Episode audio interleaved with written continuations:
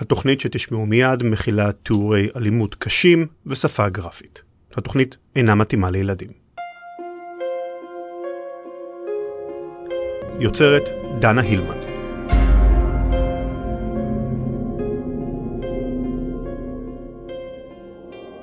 ב-12 בפברואר בשנת 1993, בליברפול שבאנגליה, התגלתה על פסי רכבת גופתו של ג'יימס בולגר, פעוט בן שנתיים. על פניו, זירת האירוע הצביעה על תאונה טרגית, אבל לא כך היה. חקירה העלתה כי ג'יימס הפעוט נחטף מאמו, עבר התעללות קשה, נרצח, וגופתו הונחה על פסי הרכבת על מנת ליצור מראית עין של תאונה. הפרשה עוררה סערה וזעזוע בכל רחבי העולם.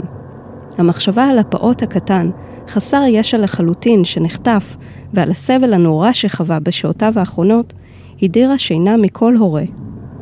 הזעזוע החמיר עוד יותר כשנתגלתה זהותם של הרוצחים, שני ילדים בני עשר. למרות גילם הצעיר, הורשעו שניהם ונידונו למאסר של מספר שנים בכלא. כולם שאלו את עצמם, כיצד ילדים מסוגלים לעשות מעשים כל כך אכזריים? שורה של מעשי אלימות קשים שבוצעה על ידי בני נוער במדינות שונות בארצות הברית ובאירופה, זכתה לסיקור חדשותי נרחב. התקשורת ליבתה את הפחד והצביעה על מגמה מסוכנת ברמות האלימות של בני הנוער. כולם דיברו אז על ההידרדרות המוסרית של הדור הצעיר, שלא מסתכמת רק בצפייה בקליפים ב-MTV, אלא בפשעים חמורים של ממש. ביוני 1993 הגיעו שני יוצרי סרטים דוקומנטריים לווסט ממפיס, ארקנסו, בכוונה לצלם סרט על ההשפעה הרצחנית של כת השטן על בני נוער. השניים הגיעו לעיר בעקבות רציחתם הברוטלית של שלושה ילדים בני שמונה, שהיו חברים טובים, ובעקבות מעצרם של שלושה נערים שנחשדו על ידי המשטרה במעשה. אנשי אכיפת החוק בעיר טענו כי הרציחות היוו איזשהו פולחן של כת השטן, וכי הנערים, שנודעו עד מהרה כשלישיית ווסט ממפיס, משתייכים לכת השטן. We had heard that these three teenagers in Arkansas had killed these three eight-year-old boys and taken them into the woods and sacrificed them to the devil in a satanic ritual. And we thought that was horrible. And this was back in 93, 1993, and there was there were other cases of kids killing kids.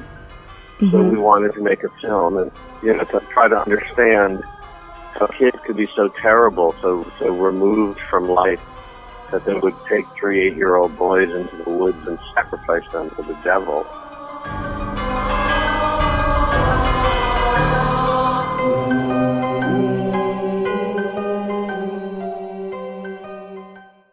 ג'ו ברלינג'ר וברוס סינופסקי, יוצרי הסרט, שלימים הפך לטרילוגיית Paradise Lost, הכירו כמה שנים קודם לכן, עת שהתמחו אצל יוצרי דוקו ותיקים, שהיו גם אחים, אלברט ודייוויד מייזלס. מהם למדו והושפעו בסגנון ה-direct cinema, כלומר קולנוע שתופס מציאות ומשקף אותה בצורה נאמנה. אבל בשונה מהמנטורים שלהם, היוצרים הצעירים, בני 30 וקצת, נמשכו יותר לתעד התרחשויות סביב פשע. מקרים שנראים כתעלומות, כשלא ברור בדיוק מה קרה, ואין אמת אחת ברורה. ב-1992, שנה לפני תחילת העבודה על Paradise Lost, יצא סרטם שומר אחי, Brothers Keepers. הסרט סימן את שיתוף הפעולה הראשון ביניהם ואת תחילת דרכם המקצועית בנפרד מהאחים מייזלס. כאשר חיפשו את הפרויקט הבא שלהם, הקשר בין ג'ו וברוס היה כבר מאוד קרוב, מקצועית וחברית. ג'ו וברוס שמעו על רציחות מזוויעות שהתגלו בעיר קטנה בשם ווסט ממפיס בארקנסו. שלושה ילדים בני שמונה, ילדים בכיתה ב', נמצאו ללא רוח חיים, עירומים וכפותים בגבעות רובין הוד בפאתי העיר. אחד מהילדים אף עבר, על פי החשד, השחתה של איבר המין. המעשים זעזעו את הקהילה הקטנה, ואנשיה התמלאו בחרדה. עלו מהר מאוד שאלות כמו, מי היה מסוגל לבצע מעשים שטניים כל כך? והמשטרה עצרה תוך זמן קצר שלושה בני נוער שנחשדו בהשתייכות לכת השטן. במסיבת עיתונאים שקיימה משטרת ווסט ממפיס, שקטע ממנה גם מופיע בסרט, בה נשאל החוקר הראשי בתיק הרצח עד כמה התיק נגד החשודים מבוסס בסולם של 1 עד 10, השיב 11, וחייך חיוך גדול, שהבליח למרות שנראה שניסה להתאפק.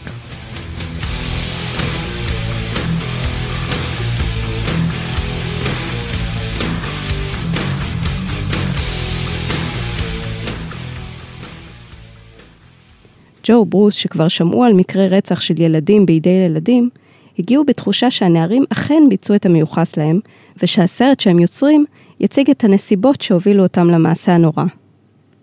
אבל, לאט לאט הם החלו לחשוב אחרת, והסרט תפס כיוון שונה לגמרי. היה לי את הכבוד לשוחח עם ג'ו ברלינג'ר, יוצר פורה עד היום של סרטים דוקומנטריים. הוא נחשב בעיני רבים אבי הז'אנר של דוקו פשע, ובוודאי תרם לא מעט ליצירת תור הזהב שלו, כפי שאנחנו רואים כיום. We went thinking we were making a film about guilty teenagers. Mm-hmm. So we wanted to make a film and you know to try to understand how kids could be so terrible, so so removed from life that they would take three eight-year-old boys into the woods and sacrifice them to the devil. Um, so really, what sent us down was the opposite of what we ended up finding, and several months into the project, um, you know, we arrived when they had just been arrested. These three kids had just been arrested. The trial was going to be in several months. Um, the media was all saying that they were guilty. The local media, the prosecutor, and the police departments were saying that there was a tremendous amount of evidence and that it was an open and shut case of, of just terrible kids doing something terrible. So we went down thinking we were making a film about guilty teenagers, and uh, probably three months after the arrests, um, and several months before the trials, uh, we actually gained access to them in prison. They were in they were in county jail, you know, uh, waiting awaiting trial. And after we started interviewing them and started digging into the case, we actually became convinced that they, the police had arrested the wrong people and that the case against them was flimsy. שלישיית ווסט ממפיס, כפי שכונו שלושת בני הנוער החשודים, כללה את דמיאן אקולס, שהיה הבוגר מביניהם, נער בן 18 שנראה קצת כמו שהייתם מדמיינים שערפד יראה במציאות. שיער ארוך וחלק, שחור כעורב, עור חיוור כשל רוח רפאים, קול עמוק ומבט חודר. החבר הבא בשלישייה הוא ג'סי מיסקלי ג'וניור בן ה-17, נער שאובחן כבעל מנת משכל נמוכה, על גבול הפיגור. עורך הדין שלו טען שיש לו יכולת קוגניטיבית של ילד בן 10. אבל אתם זוכרים איך הפרק התחיל, כן? ילדים בני 10 שרוצחים באכזריות ילד בן שנתיים. הנאשם השלישי היה ג'ייסון בולדווין, חברו הטוב של אקולס. נער שלדי בן 16, עם קול חלש ומבט מפוחד. ג'ו וברוס פגשו את ג'ייסון ודיברו איתו, והריאיון הזה הוא זה שהביא לכך ששני היוצרים החלו לפקפק באשמתם של הנערים. לג'ייסון היו זרועות דקיקות, וג'ו שאל את עצמו, כיצד ייתכן שנער חלשלוש כל כך יוכל לתפוס, לקשור ולרצוח שלושה ילדים? כשהתעמקו עוד יותר בפרטי החקירה, גילו שג'סי מסקלי ג'וניור, הנער בעל מנת המשכל הנמוכה במיוחד, עבר לחץ חריג בחקירה, ואף נמסרו לו פרטי חקירה מוכמנים מבלי שהוא העלה אותם כלל. מכיוון שמיסקלי ג'וניור הוא זה שקשר את השניים האחרים לזירה ולמעשה הרצח, הבינו ג'ו וברוס שהראיות המוצקות שחוקרי המשטרה ונציגי התביעה התגאו בהן, אינן מוצקות, אלא די ראויות. זה היה הרגע שבו התחבר לשני היוצרים שהם תפסו דג שמן בהרבה מהסיפור המקורי שתוכנן. כי אם הם בעצמם החלו בשלב זה לפקפק באשמתם של השלישייה, בוודאי גם המשפט יחשוף את העמימות בתיק, ובוודאי גם הצופים יחושו כך, לאחר שיחשפו לכל הצדדים המעורבים. הסרט עשוי בסגנון מאוד גולמי, בוטה, ומציג בין היתר סרטונים קשים מאוד לצפייה. התמונה הפותחת בסרט היא למעשה מזירת האירוע, ממש עם מציאת גופות הילדים. כריסטופר ביירס, סטיבי ברנץ' ומייקל מור, שנמצאו כפותים ועירומים ועל גופותיהם פציעות קשות. שאלתי את ג'ו לגבי ההחלטה להציג צילומים כה גרפיים וקשים לצפייה. Yeah, we had a lot of discussion about whether to show that footage, how much footage to show, do we come back to it later in the film or not, which we did not do. Um, it was a lot of discussion, and especially when you think back to 1993, what films looked like then, or 96 when the film came out. Um, it was it was a very bold de- decision, not taken lightly. We had to really think about it. It was a very bold decision to show that that footage. Um, and you know, some people criticized it and thought we went too far. Um, but we thought it was important that people understand just how horrific the crimes were so that you could understand how an entire community could be so blind to the truth. I mean, this community just wanted these cases solved. Uh, the police were under tremendous pressure, um, and they did a terrible job investigating the case. And there was so much pressure to just find a, an answer, even if it was the wrong answer, in part because people were scared to death uh, to let their children out of the house. The, the community was just, you know, so grief stricken and scared about the potential for there to be a killer amongst them that, you know, we felt we had to show that footage so that it would put the viewer in the mindset of the horrific nature of these crimes so that you could understand how rational people would sit through that trial where there was virtually no evidence uh, you know, real evidence and pass judgment and send somebody to death for a crime that they, they didn't commit. But, you know, it was not an easy decision. And um, it was, as I say, a lot of people criticized uh, the use of that footage, but I still stand by it and feel it was important to show. And how did you manage to get this footage? Uh, I can't tell you my secrets you know, let's just say I was friendly with somebody in the police department mm-hmm. who okay. might have slipped me a copy. I guess that. I'll, I'll leave it at that. הסרט ממשיך בהצגת הורי הקורבנות, אשר מגנים את הנערים ומשוכנעים באשמתם. אחת האימהות אף אומרת, Just look at the freaks, רק תסתכלו על החריגים האלה.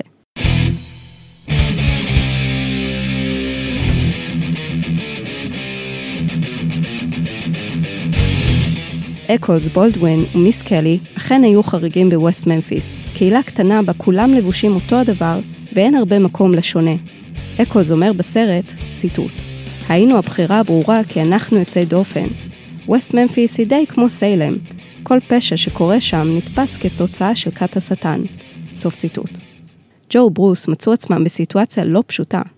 מצד אחד, הם מאמינים שהנערים חפים מפשע, ושהם נרדפים רק על רקע היותם שונים. אך הם לא יכולים לומר זאת לאף אחד, ובוודאי לא למשפחות הילדים שנרצחו. גם איתם נוצר קשר מיוחד. You know, a very difficult time because, of course, we were thinking were, that the case was weak, but you're also having to build relationships with the families of the victims mm-hmm. who believe that these guys were the killers, and you couldn't say anything. You know, it wasn't our job to tell, you know, to advocate for one side or the other. It was our job to document the story, and even though personally we were starting to believe that they were innocent, we didn't know for sure. And so, you know, you would spend the morning with the families of the victims whose lives have been destroyed by the loss of their children, and nothing can be more painful. Yeah. Uh, and then you'd spend the afternoon with the families of the defendants who, whose lives also were being destroyed by this case. and sympathizing with them because, you know, you had this nagging feeling that the kids were, the, the accused kids were actually innocent. במהלך הצילומים נוצרו מערכות יחסים מאוד קרובות בין חלק מהמשתתפים, הן בצד משפחות הקורבנות והן בצד הנאשמים, לבין צוות ההפקה, ובראשם ברוס וג'ו, היוצרים. אחת ממערכות היחסים המשמעותיות שנוצרה הייתה עם מרק ג'ון ביירס, אביו החורג של כריסטופר ביירס, בן השמונה שנרצח. מרק ביירס היה מלא דברי שטנה כנגד הנערים, ובנקודות מסוימות בסרט, האקצנטריות שלו, העבר האלים שלו וחיבתו לנשקים שונים, כל אלה בצירוף צילומים, שהם ספק צירוף מקרי מוזר או הצגה מכוונת של ברוס וג'ו, מעלים כולם חשד בצופה, שמא הוא יכול להיות חשוד פוטנציאלי. I really remember one image that uh, Mark Byers is uh, kneeling uh, on his son's grave and there was I don't know like a satanic symbol above his head. Maybe it was just a coincidence, like when you filmed it, but it seemed very strong that maybe he can be a suspect. Yeah, well, um, that image of the sun reflecting an upside down pentagram was a total yeah. coincidence. Yeah, exactly. And when we saw it, we filmed it, and of course we included it in the, in the film. Um, that doesn't necessarily mean he's the guilty party. It just demonstrates that when you have no evidence and you uh, just get caught up in hysteria, any anybody could become a suspect. And what's needed is actual hard evidence and facts, and that's what the case lacked. And I think the point is you could make just as strong a case against Mark Byers uh, as you could against the West Memphis Three because there was no evidence. And so what we were asking in the film is for viewers to, you know, not get caught up in rumor and innuendo and hysteria, but to provide evidence. You know, you can't put somebody to death uh, over. You know, the measure of the law for the death penalty is that it needs to be beyond all reasonable doubt. Mm-hmm. Uh, the, the, the certainty of the person doing the crime and there was so much uh, uncertainty in the case, so much doubt, so many alternative suspects, including Mark Byers, that the case demanded a new trial and that these guys could not, not be, or Amy and Eccles should not be put to death. באחד מימי הצילומים, שלא מול המצלמה, פנה מרק ביירס לאחד הצלמים ואמר לו, אתה ואני נשמות תאומות, יש לי מתנה עבורך, אל תגלה לג'ו לברוס, זה עשוי להציל את חייך יום אחד. הצלם היה מופתע ונבוך. המבוכה התחלפה עד מהרה בתדהמה, כאשר גילה, יחד עם ג'ו ברוס, שמדובר בסכין, ואף זיהה שאריות דם זהירות בציר שבין הלהב לידית הסכין.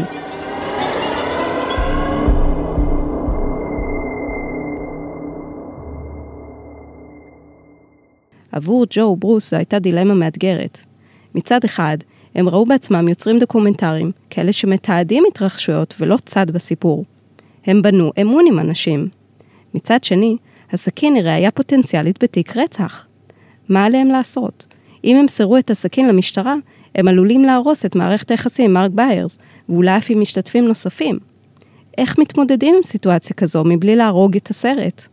עבור ג'ו, זו הייתה שאלה פילוסופית ענקית. יחד, לאחר התלבטויות רבות, החליטו ג'ו וברוס למסור את הסכין לידי המשטרה כראיה פוטנציאלית. הם פעלו מתוך מחשבה שזו חובתם המוסרית לפעול כך, גם אם זה אומר גזר דין מוות לסרט שהם מצלמים. לא אגלה לכם עכשיו האם הראייה הזאת אכן הוכיחה עצמה כמכרעת או לא. בכל זאת, אם תבחרו לצפות בסרטים, לא ארצה להרוס לכם את כל המתח. בואו רק נאמר שהסרט שרד יפה מאוד. ג'ו וברוס התקרבו אל סיום צילומי הסרט עם ההכרעה במשפטם של שלישיית ווסט ממפיס.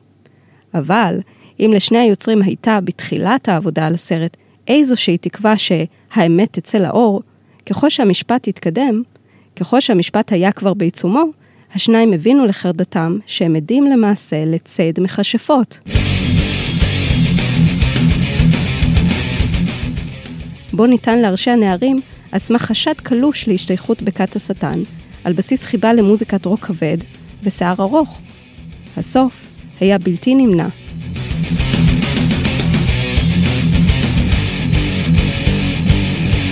We never imagined that actually by the time it got to trial that they would actually be convicted. We just assumed that at trial, it, you know, it would all come out and all the stuff we were learning would be presented at trial.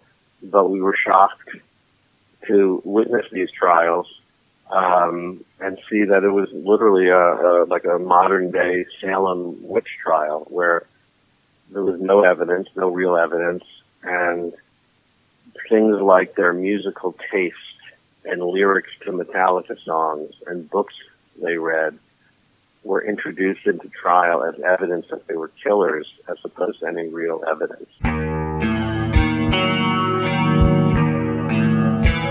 אגב, גם להם לג'ו ולברוס היו בזמן צילומי הסרט, בשנת 1993, חולצות מטאליקה ושיער ארוך. למעשה, אם תנסו לשחזר רגע איך נראינו בשנות ה-90, טוב, לא אני ספציפית, אולי תזכרו שזה היה נחשב די מגניב באותו הזמן. אם גם אתם אהבתם רוק כבד בשנות ה-90, ואם הייתם בזמנו בני נוער בווסט ממפיס, אולי גם אתם הייתם מוצאים את עצמכם נרדפים בשל העדפות האלו? אולי גם אתכם היה אפשר לעצור ולחקור באופן די שרירותי, רק כי אתם החשודים הרגילים? אלו שאינם רגילים, זאת אומרת? ג'ו וברוס נאלצו לצפות בעיניים כלות, וגם מאחורי המצלמות, כיצד שלושת הנערים, שלא היה להם ספק בחפותם, נשלחו לחיים בכלא, מאסר עולם לא קצוב וללא אפשרות חנינה. דמיאן אקולס, שהורשע בכך שיזם לכאורה את מעשה הרצח, נידון לעונש מוות.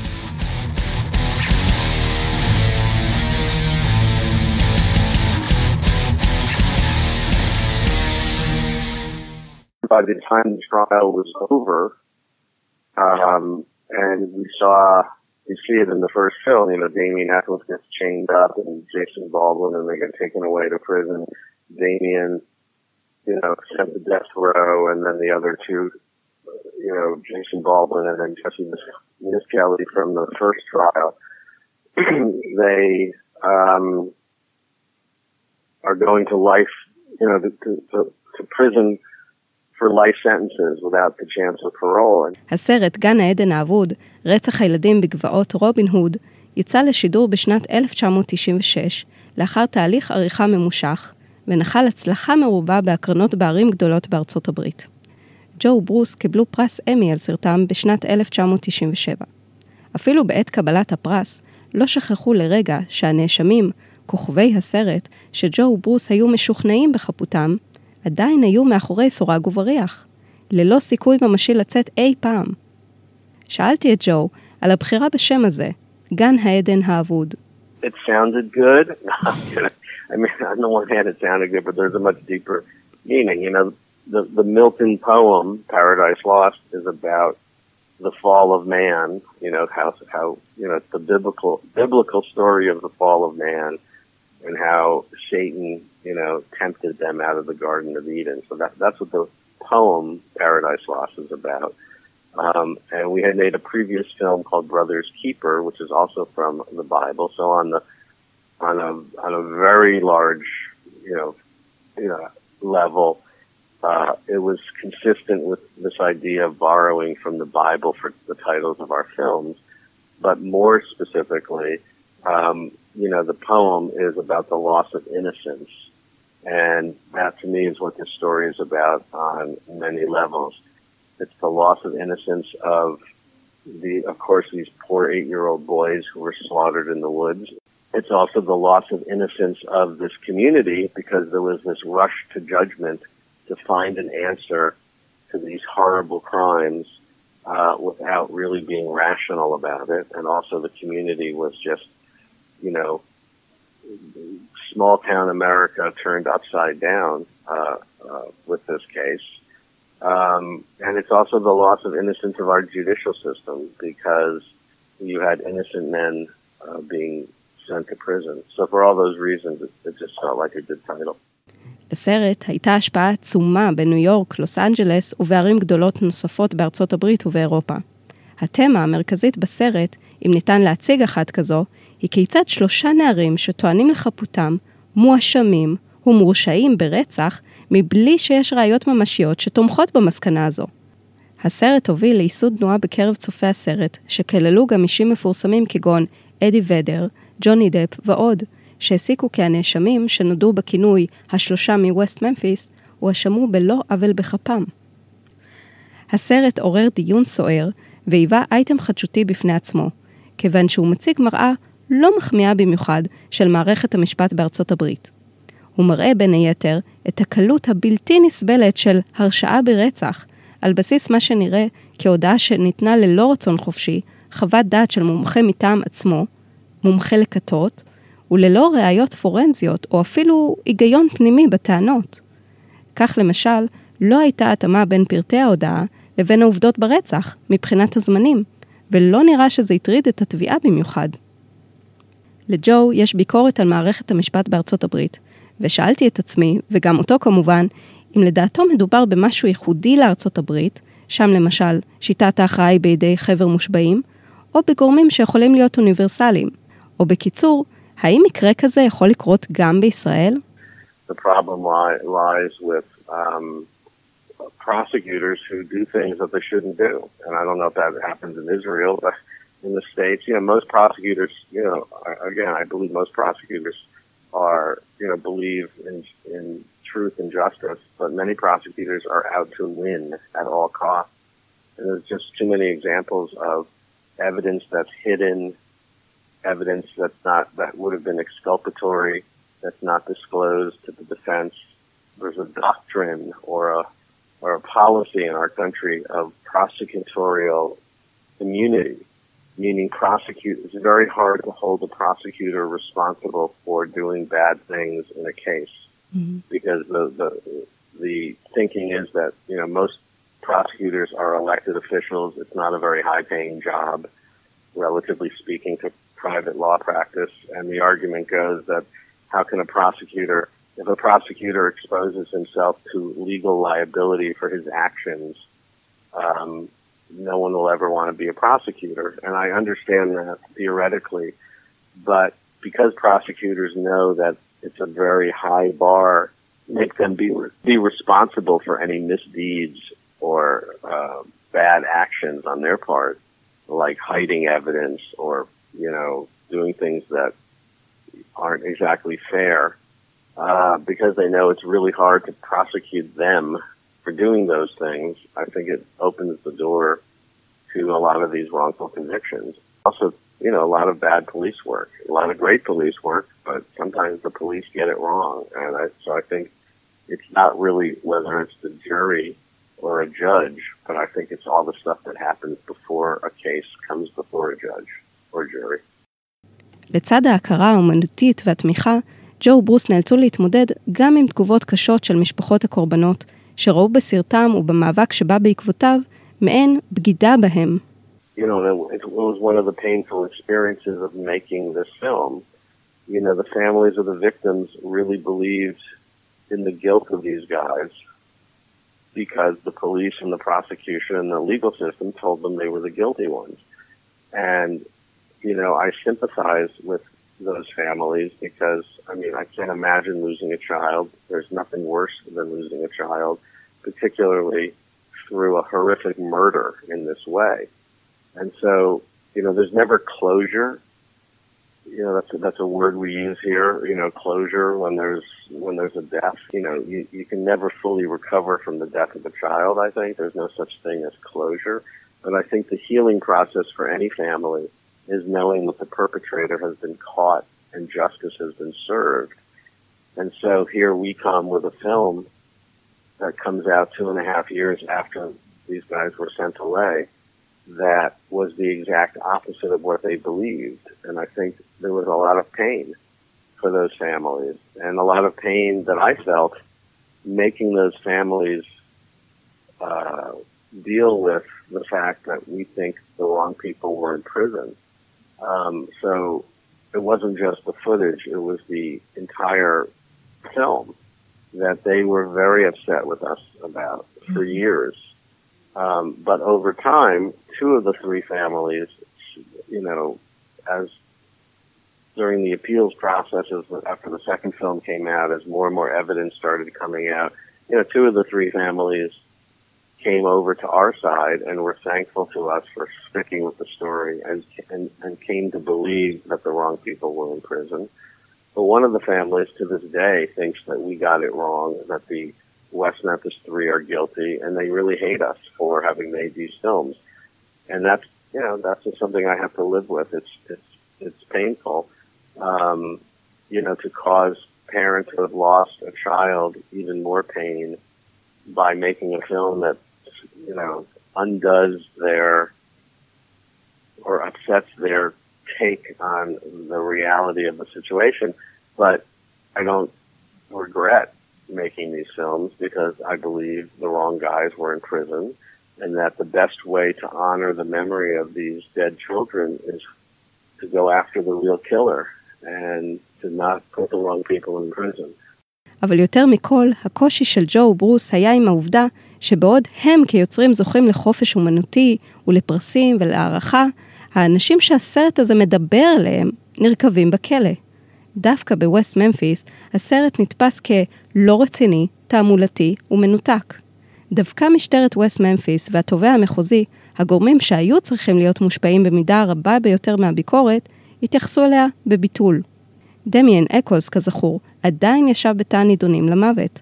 מבחינת הקהילה בווסט ממפיס, התביעה השיגה הרשעה, ולקהילה הוקל. לא נעשה חשבון נפש לגבי מהלך המשפט ולגבי המהירות בה חרצו את דינם של הנאשמים עוד לפני תחילת המשפט. ג'ו וברוס היו כאמור רדופי רגשות אשמה כלפי ה-West Memphis 3, דמיאן אקולס, ג'ייסון בולדווין וג'סי מיסקלי. הם חשו מחויבות להמשיך את המעקב אחר סיפורם, הפעם באופן יותר אקטיבי. אז הם חזרו לווסט ממפיס, כן, מהוליווד לווסט ממפיס. From a creative standpoint, the last thing I wanted to do was to go back and keep making films about this subject. That's not really interesting to me creatively, but we felt we had an obligation to keep telling the story. And in fact, when the first film came out, uh, you know, it took us two years to edit that film. It took a while for the film to come out. Uh, mm-hmm. It didn't come out until January of 1996 at the Sundance Film Festival. Um, and when the film came out, I expected it to, you know, have a huge impact in Arkansas and to cause a new trial and that these guys would get out.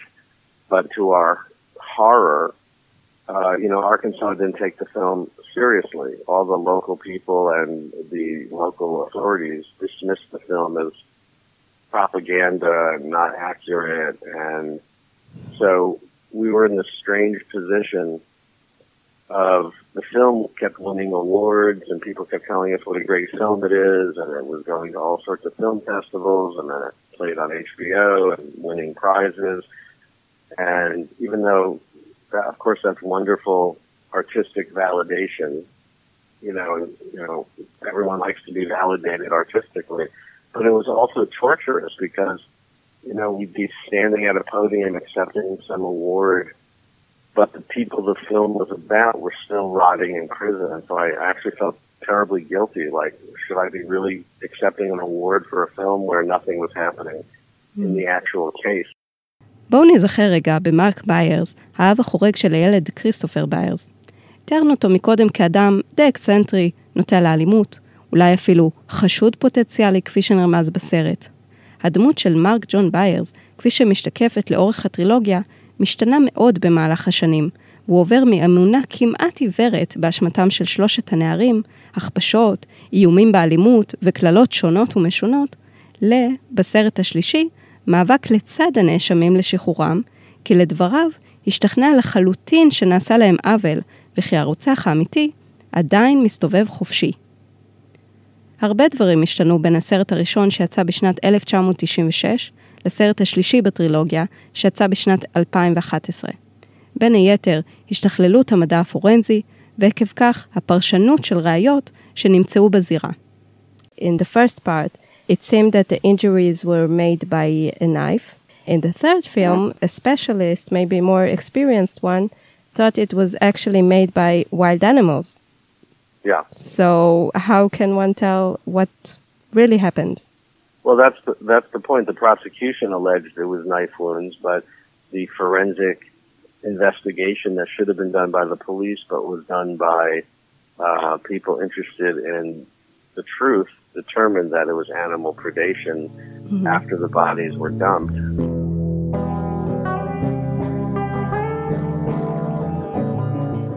ב-19 באוגוסט 2011, לאחר 18 שנים ו-78 ימים בכלא, דמיאן אקוז, ג'ייסון בולדווין וג'סי מיסקל ג'וניור לבסוף משתחררים ממאסר.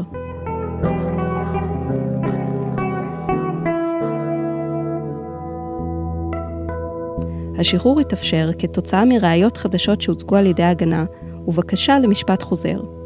נרחיב בהמשך לגבי התוצאה המשפטית בסופו של דבר. זה לא כל כך פשוט וזה לא שהם זוכו. הסרט השלישי עוקב אחר שחרורם הדרמטי של השלושה. עבור ג'ו זו הייתה הקלה עצומה. אחרי 18 שנים שהוא ליווה את הסיפור, הוא כבר התקשה להאמין שיזכה לראות אותם מחוץ לכותלי הכלא. I had no idea it was going to take 18 and a half years and three films for them to finally get out of prison. Um, but we just felt we had to keep telling the story.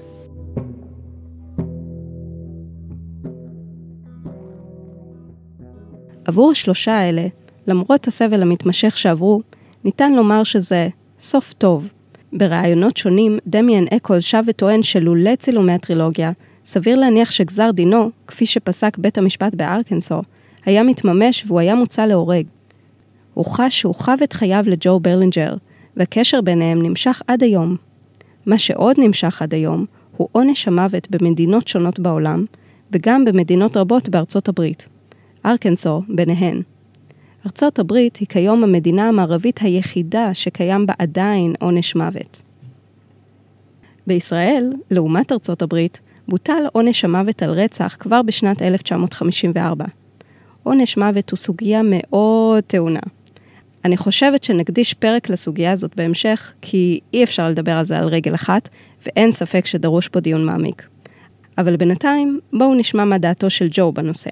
Do you think that um, a case like such as this uh, of clearly wrong death sentence by the jury and such unjust outcomes uh, can still happen today? Oh, absolutely. In fact, I think it happens more often than people want to admit. Um, you know, in our country, just through DNA. Now, most cases don't involve DNA, but ever since the advent of DNA technology in the last decade, you know, decade and a half, there have been, you know, over 360 exonerations of wrongfully convicted people. 20 of those people um, were on death row. You know, so 20 people just with DNA evidence have been exonerated off of death row. Uh, in a system, you know, in a system where it's, you know, many cases don't get the opportunity to test DNA because prosecutors fight it tooth and nail, and many cases don't involve DNA. So, you know, it is my belief that, you know, and it's not only my belief. A lot of people who study the U.S. justice system believe that up to five percent of the people in prison are innocent of what they've been convicted of, which is a terrible statistic. Mm-hmm. It's why I'm so, for many reasons, so against the death penalty. Um, you know, a lot of people will spend time arguing whether it's morally correct for the state to take somebody's life.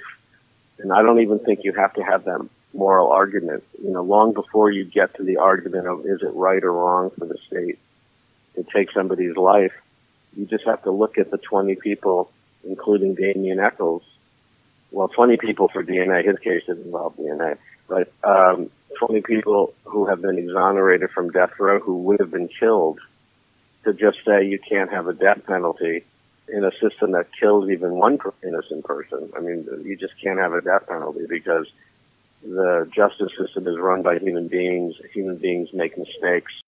You know, it happens a lot that innocent people are convicted, and innocent people on death row have been convicted. So I think it could happen today very easily.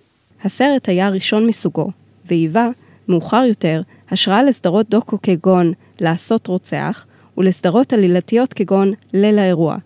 מאז שידור הסרט הראשון בטרילוגיה ברשת HBO ביוני 1996, גן העדן האבוד, רצח הילדים בגבעות רובין הוד, הפך להיות מסרטי התעודה המשפיעים ביותר שהופקו.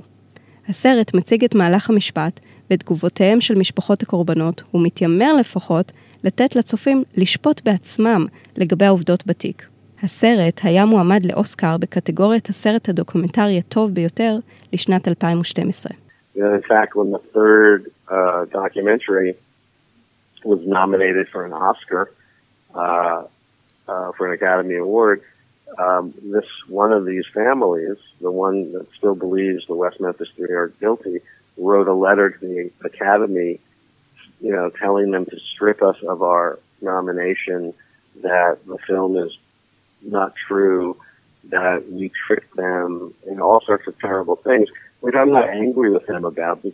אבל היו מי שפחות אהבו את עניין המועמדות, ואף ביקשו להסיר אותה. ג'ו לא נותר להם טינה. הוא אמפתי לכאבם, גם אם הוא סבור שהם טעו ובענק. So I don't have anger towards them. I have just sympathy. Um, you know, they they have a right to feel the way they feel, but they're wrong. You know, and uh, so yeah, so it creates all sorts of complicated emotions, and I do feel bad that we've made that family feel bad. But the truth of the matter is, you had the wrong people in prison, and one guy who's innocent who was going to be executed. אז כמו שציינתי קודם, השלושה שוחררו בסופו של דבר. אולי בטעות חשבתם שהשלושה סוף סוף זכו להוכיח את חפותם וזוכו מאשמה, אבל לא כך הדבר. השלושה שוחררו בהליך שנקרא הסדר אלפורד. ההסדר basically אומר, אתם תודו באשמה, ואנחנו נשחרר אתכם. נראה בזמן שריציתם עד כה כריצוי העונש, ותשוחררו מיד. ג'ייסון בולדווין התנגד בתוקף, הרי הם חפים מפשע, אז למה שהם יודו במשהו שהם לא ביצעו?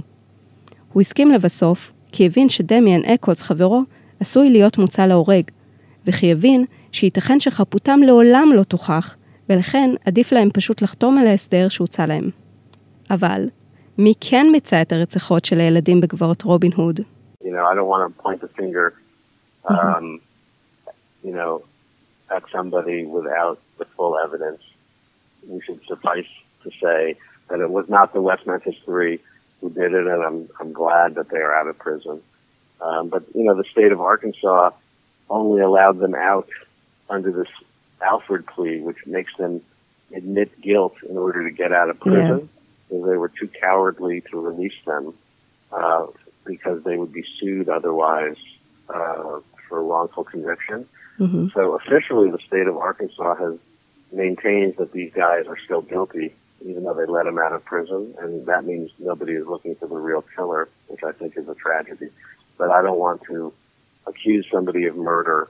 Yeah, uh, I understand you know, without being without being the, the you know, without a trial, and and then I would be guilty um, of what the state of Arkansas did. There needs to be a real investigation and then a real trial.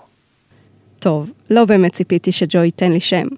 האמת היא שעד היום לא נמצא הרוצח של הילדים, ועד היום ניתן למצוא פה ושם קטעי ראיונות עם הורי הילדים שמעלים השערות שונות. ואתם, המאזינים, מי לדעתכם עשה את זה? אולי אתם זוכרים שבהתחלה אני סיפרתי לכם את סיפורם של ג'ו וברוס, השותפים שיצרו יחד הרבה פרויקטים מוצלחים. אבל כפי ששמתם לב, את הקול של ברוס לא שמענו היום. ברוס אינובסקי נפטר בפברואר 2015, בגיל 58. הוא נפטר מסיבוכים של מחלת הסוכרת ממנה סבל. ג'ו התבטא בראיונות על האובדן והתחושה הקשה על לכתו המוקדמת מדי של חברו ושותפו. ג'ו ממשיך ביצירה קולנועית, ולמעשה לאחרונה סיים את עבודת הבימוי על סרט, עלילתי הפעם, על טד בנדי, הרוצח הסדרתי מארצות הברית.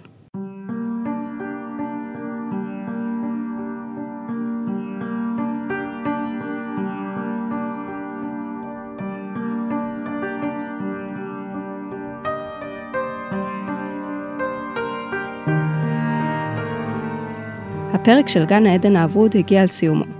אני דנה אילמן, אני רוצה להודות לג'ו ברלינג'ר ולטים יאנג, העוזר האישי שלו, על שאפשרו את הראיון הזה שחיכיתי לו לא מעט. תודה לרן לוי, מורה דרך מ-day one של הפודקאסט, ולדור קומט על עריכת הקול. תודה מיוחדת לקולגה ולידיד טוב שלי, מרק ריבץ, שסייע לי בהכנה לראיון, אבל מעבר לזה, על התמיכה, על ההתלהבות ועל הפידבקים שנתן לי, אז תודה. ותודה לכם, מאזינים, שאתם איתי בדרך הזאת. זה כיף לגלות עד כמה מה שמעניין אותי, מעניין עוד אנשים, ומעורר תגובות ומחשבות. אל תשכחו לעשות לייק לעמוד שלנו. אתם מוזמנים לכתוב לי שם, ותקבלו עדכון על כל פרק חדש שעולה. אז אנחנו נשתמע בפרק הבא, בתיק הפשע הבא. ועד אז, המשך יום צודק לכם.